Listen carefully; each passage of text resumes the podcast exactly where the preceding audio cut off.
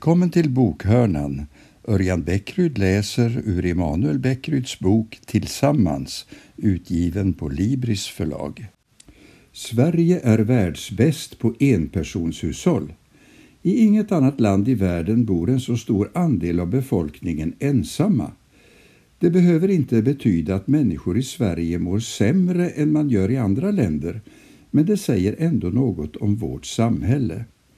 Den som bor ensam äter frukost för sig själv, kommer hem till en tom lägenhet efter jobbet, äter middag utan sällskap och blir aldrig störd av några snarkningar under natten. Vi är inte ett folk präglat av gemenskap. Ensamhet är inte bara ett socialt fenomen utan även ett andligt. Man skulle kunna tala om en andlig ensamhet. I vår tid har tron privatiserats. Den har skilts från kollektiva yttringar. Man tror på egen hand. Kopplingen individ, grupp, Gud finns inte längre i våra liv utan individen står ensam inför det gudomliga och försöker nå fram till en sanning på egen hand. Det andliga har skilts från det sociala och kroppsliga. För en kristen är det i detta sammanhang intressant att undersöka vad Bibeln har att säga om individ och relationer. Bakgrunden till de bibliska texterna är ett samhälle av helt annan art, ett samhälle där gruppen och grupptillhörigheten var något fundamentalt. Identiteten låg inte hos den enskilde utan hos gruppen.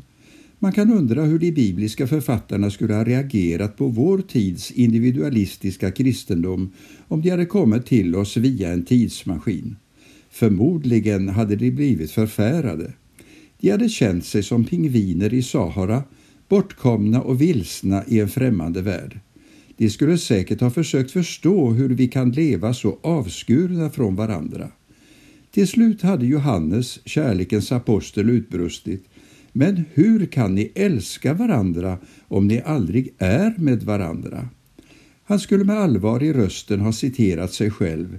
Det vi har sett och hört förkunnar vi för er, för att också ni ska vara med i vår gemenskap, som är en gemenskap med Fadern och hans son Jesus Kristus. Gemenskapen, hade han fortsatt, det var ju för den vi förde budskapet om Jesus ut i världen. Det vi upplevt, det vi sett av Guds härlighet i Jesus Kristus, det förde vi vidare med detta syfte, att människor skulle kunna komma till tro på Jesus och ansluta sig till vår kärleksfulla gemenskap, en gemenskap med varandra och med Fadern och Sonen och Anden. Det är ju det Gud har kallat oss till, kärlek. Men hur ska ni kunna älska den ni aldrig umgås med? Kärlek förutsätter att det finns någon där att älska, att det finns en relation. Kärlek är något praktiskt och konkret, något som kräver närhet och mänsklig kontakt. Det är först när kärleken förverkligas i en vardagsnära gemenskap som den förtjänar sitt namn. Mot denna bakgrund behöver vi fundera över i vilken mån vårt sätt att vara församling ligger i linje med den kristna trons radikala kärleksbudskap. Vi tenderar att sätta likhetstecken mellan kristen tro och söndag förmiddag. Kyrkan är något man går till en gång i veckan. Där sitter man i några timmar och ser varandra i ryggen för att sedan stressa hem till middagen, eventuellt efter att ha tagit en kopp kaffe. Frågan är hur kärleken kan förverkligas under sådana omständigheter. Det är svårt att tro att den nytestamentliga församlingen skulle se oss som föredömen på detta område. Läs till exempel Paulus uppmaningar i Efeserbrevet kapitlen 4-6. Han har tidigare i brevet undervisat om den grund som kristen tro vilar på, Guds handlande i Jesus Kristus. Från och med kapitel 4 kommer praktiska tillämpningar och uppmaningar som förutsätter gemenskap och nära relationer. När han till exempel skriver ”ha fördrag med varandra i tålamod och kärlek” eller ”lägg därför bort lögnen och tala sanning” så förutsätts en vardagsnära gemenskap där kärleken hela tiden prövas och där man riskerar att fuska med sanningen. Sådana uppmaningar är endast relevanta där det finns konkreta relationer. Kyrkan är ingenting man går till, Det är något man är tillsammans. Församlingarna som apostlarna grundade hade uppenbarligen en annan syn på närhet och relationer. De verkar ha haft ett väl utvecklat gemenskapsideal. Ett språkligt uttryck för detta är att ordet varandra förekommer i Nya testamentet över 50 gånger. Begreppen individualism och privat kristendom existerade inte ens för dåtidens kristna. Vår utmaning är inte att kopiera deras kulturella mönster, men principen består. Kristen tro har med gemenskap att göra. Det handlar om att dela livet med varandra. Man är inte församling om man inte brottas med varandra, umgås, skrattar och gråter tillsammans, stöts och blöts mot varandra. Det Gud har kallat oss till är att vara ett nytt folk, en ny gemenskap, en ny mänsklighet som får sin karaktär och inspiration från Jesus Kristus. Det är lika motsägelsefullt att leva det kristna livet på egen hand som att försöka leva som singel fast man är gift. Det kristna livet är per definition ett liv i gemenskap. Om vår tids kultur gör det svårt för oss att leva nära varandra måste vi utmana kulturen på den punkten. Kulturmönster och samhällsordningar kan nämligen utgöra hinder för att leva på ett sätt som behagar Gud. Syndens makt är inte bara något som påverkar människans inre värld utan den påverkar även kulturer och sociala sammanhang. Synd är alltså även ett socialt fenomen. I varje kultur och i varje samhälle finns sådant som Guds folk måste kritiskt pröva och göra upp med i sitt eget liv. I vår tid är individualism och brist på djupa relationer något vi måste bli medvetna om och ta itu med. Små församlingar i den stora församlingen. Jag är församlingsledare i en större svensk frikyrkoförsamling.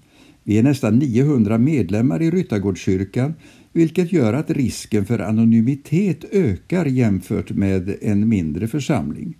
Och vi som församlingsledare kan omöjligt leva upp till ansvaret att vara herdar åt så många. Vi kan helt enkelt inte se alla. Utifrån denna insikt och det teologiska perspektiv jag beskrivit försöker vi skapa en struktur av cellgrupper i vår församling. Målet är att församlingen ska utgöras av vardagsnära smågrupper som möts regelbundet. Fokus är inte någon ny form av fritidsaktivitet utan gemenskap, relationer och närhet med Jesus Kristus i centrum.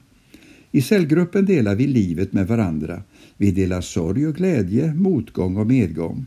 Cellgruppen kan på så sätt bli varje medlems viktigaste sociala bas och räddningsplanka. Genom att man möts och regelbundet delar livet tillsammans har man en säker plats att söka hjälp på när livet stormar. I denna lilla gemenskap kan man utöva den typ av omsorg som i Nya testamentet omfattas av ordet varandra. I cellgruppen ställs också kärleken på prov. När man träffas varje vecka dröjer det inte länge förrän vars och ens egenheter kommer upp till ytan. Det är påfrestande. Efter en smekmånadsperiod i början dyker frustrationer och irritationer upp. Hur kan hon vara så konstig? Måste man prata jämt? Varför kan det inte bli som jag vill för en gångs skull? Livet tränger sig på och den kristna tron handlar plötsligt inte längre om att stirra varandra i nacken under en gudstjänst utan att fungera i en nära gemenskap. Kärleken sätts på prov och även tålamodet, barmhärtigheten och fördragsamheten prövas. Sakta men säkert lär man sig att leva med varandra. Man lär sig att förlåta, att vara öppen om sina känslor och att kompromissa. Men det är inte bara på personlighetsplanet som skillnaderna framstår efter en tid. Det visar sig kanske att vi har olika mål med gruppen och det kristna livet. Slitningar och brytningar som vi inte hade förväntat oss dyker upp.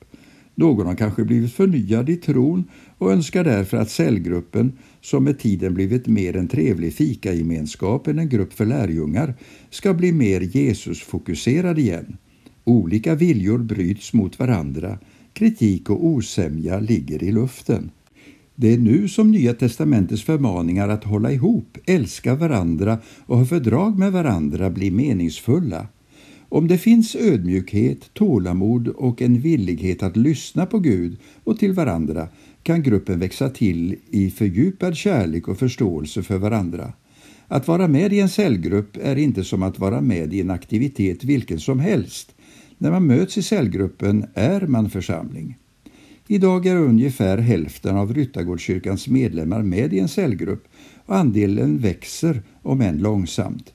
Grupperna ser olika ut, träffas vid olika tidpunkter och har olika inriktningar. Eftersom behoven och uttryckssätten varierar ser vi det som viktigt att undvika likriktning. Det avgörande är att leva i gemenskap med andra troende med Jesus Kristus i centrum.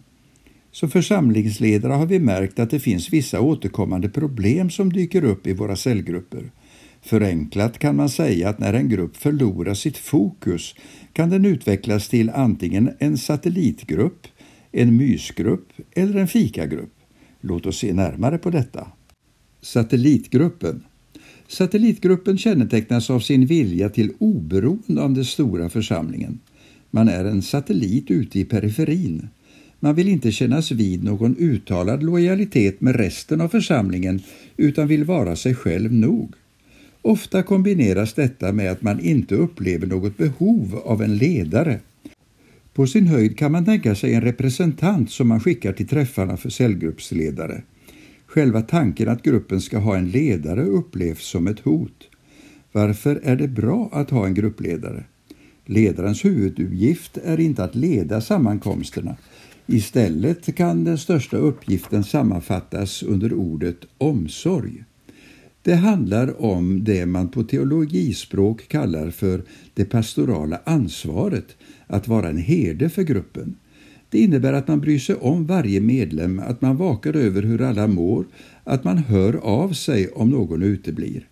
Det är naturligtvis ingen nackdel om man kan ta ansvar för själva träffarnas utformning, men det är inte ledarens huvudansvar. Det viktiga är att visa omsorg.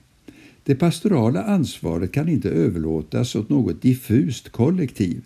Någon måste få förtroende att ta detta ansvar. Genom denna omsorg blir också kopplingen till församlingen självklart. Gruppen undviker att bli en satellitgrupp. Mysgruppen Mysgruppen karaktäriseras av bristande öppenhet mot omvärlden. Förankringen i församlingen är god, man är ju ingen satellitgrupp, men man är ovillig att ta emot nya medlemmar. Det skulle störa den mysiga jämvikt som infunnit sig inom gruppen. Man vet det mesta om varandra, trivs utomordentligt ihop och är följaktligen rädd för förändring. Nya medlemmar uppfattas som ett problem, ibland till och med som ett hot. Cellgruppen har blivit mysgrupp. Församlingens tanke med cellgrupper är inte att de ska bli mysgrupper, utan växthus. En cellgrupp är den kristna församlingen i miniatyr och därmed får den aldrig vara sluten och stängd. I en sådan grupp luktar det unket. Osunda tendenser kan utvecklas. Därför måste en mysgrupp bestämma sig för att öppna upp för nya människor. Kännetecknet på en levande cell i människans kropp är att den kan dela sig. Det gäller även cellerna i Kristi kropp, församlingen. När en cellgrupp i vår församling vuxit till omkring dussinet tycker vi att det är dags att börja fundera på delning. Cellgruppens mål är alltså inte att ha det trevligt i största allmänhet utan att vara församling. Och en församling är kallad av Gud till att alltid se bortom sig själv. Navelskåderi är ingen kristen dygd. Däremot ska generositet och gästfrihet prägla en kristen gemenskap. Cellgruppen är som ett andligt växthus där man hela tiden utvecklas, lär känna nya syskon i Guds stora familj och på så sätt betjäna varandra och sin omvärld. Fikagruppen Fikagruppen kan vara både väl förankrad i församlingen och öppen mot omvärlden, det vill säga den kan vara fri från både satellit och mystendenser. Fikagruppens problem är att den inte har Jesus tydligt i centrum. Den har mer blivit en social grupp i församlingens regi. Man har trevligt tillsammans men bönen och ordet upptar en ytterst liten del av gruppens gemensamma liv.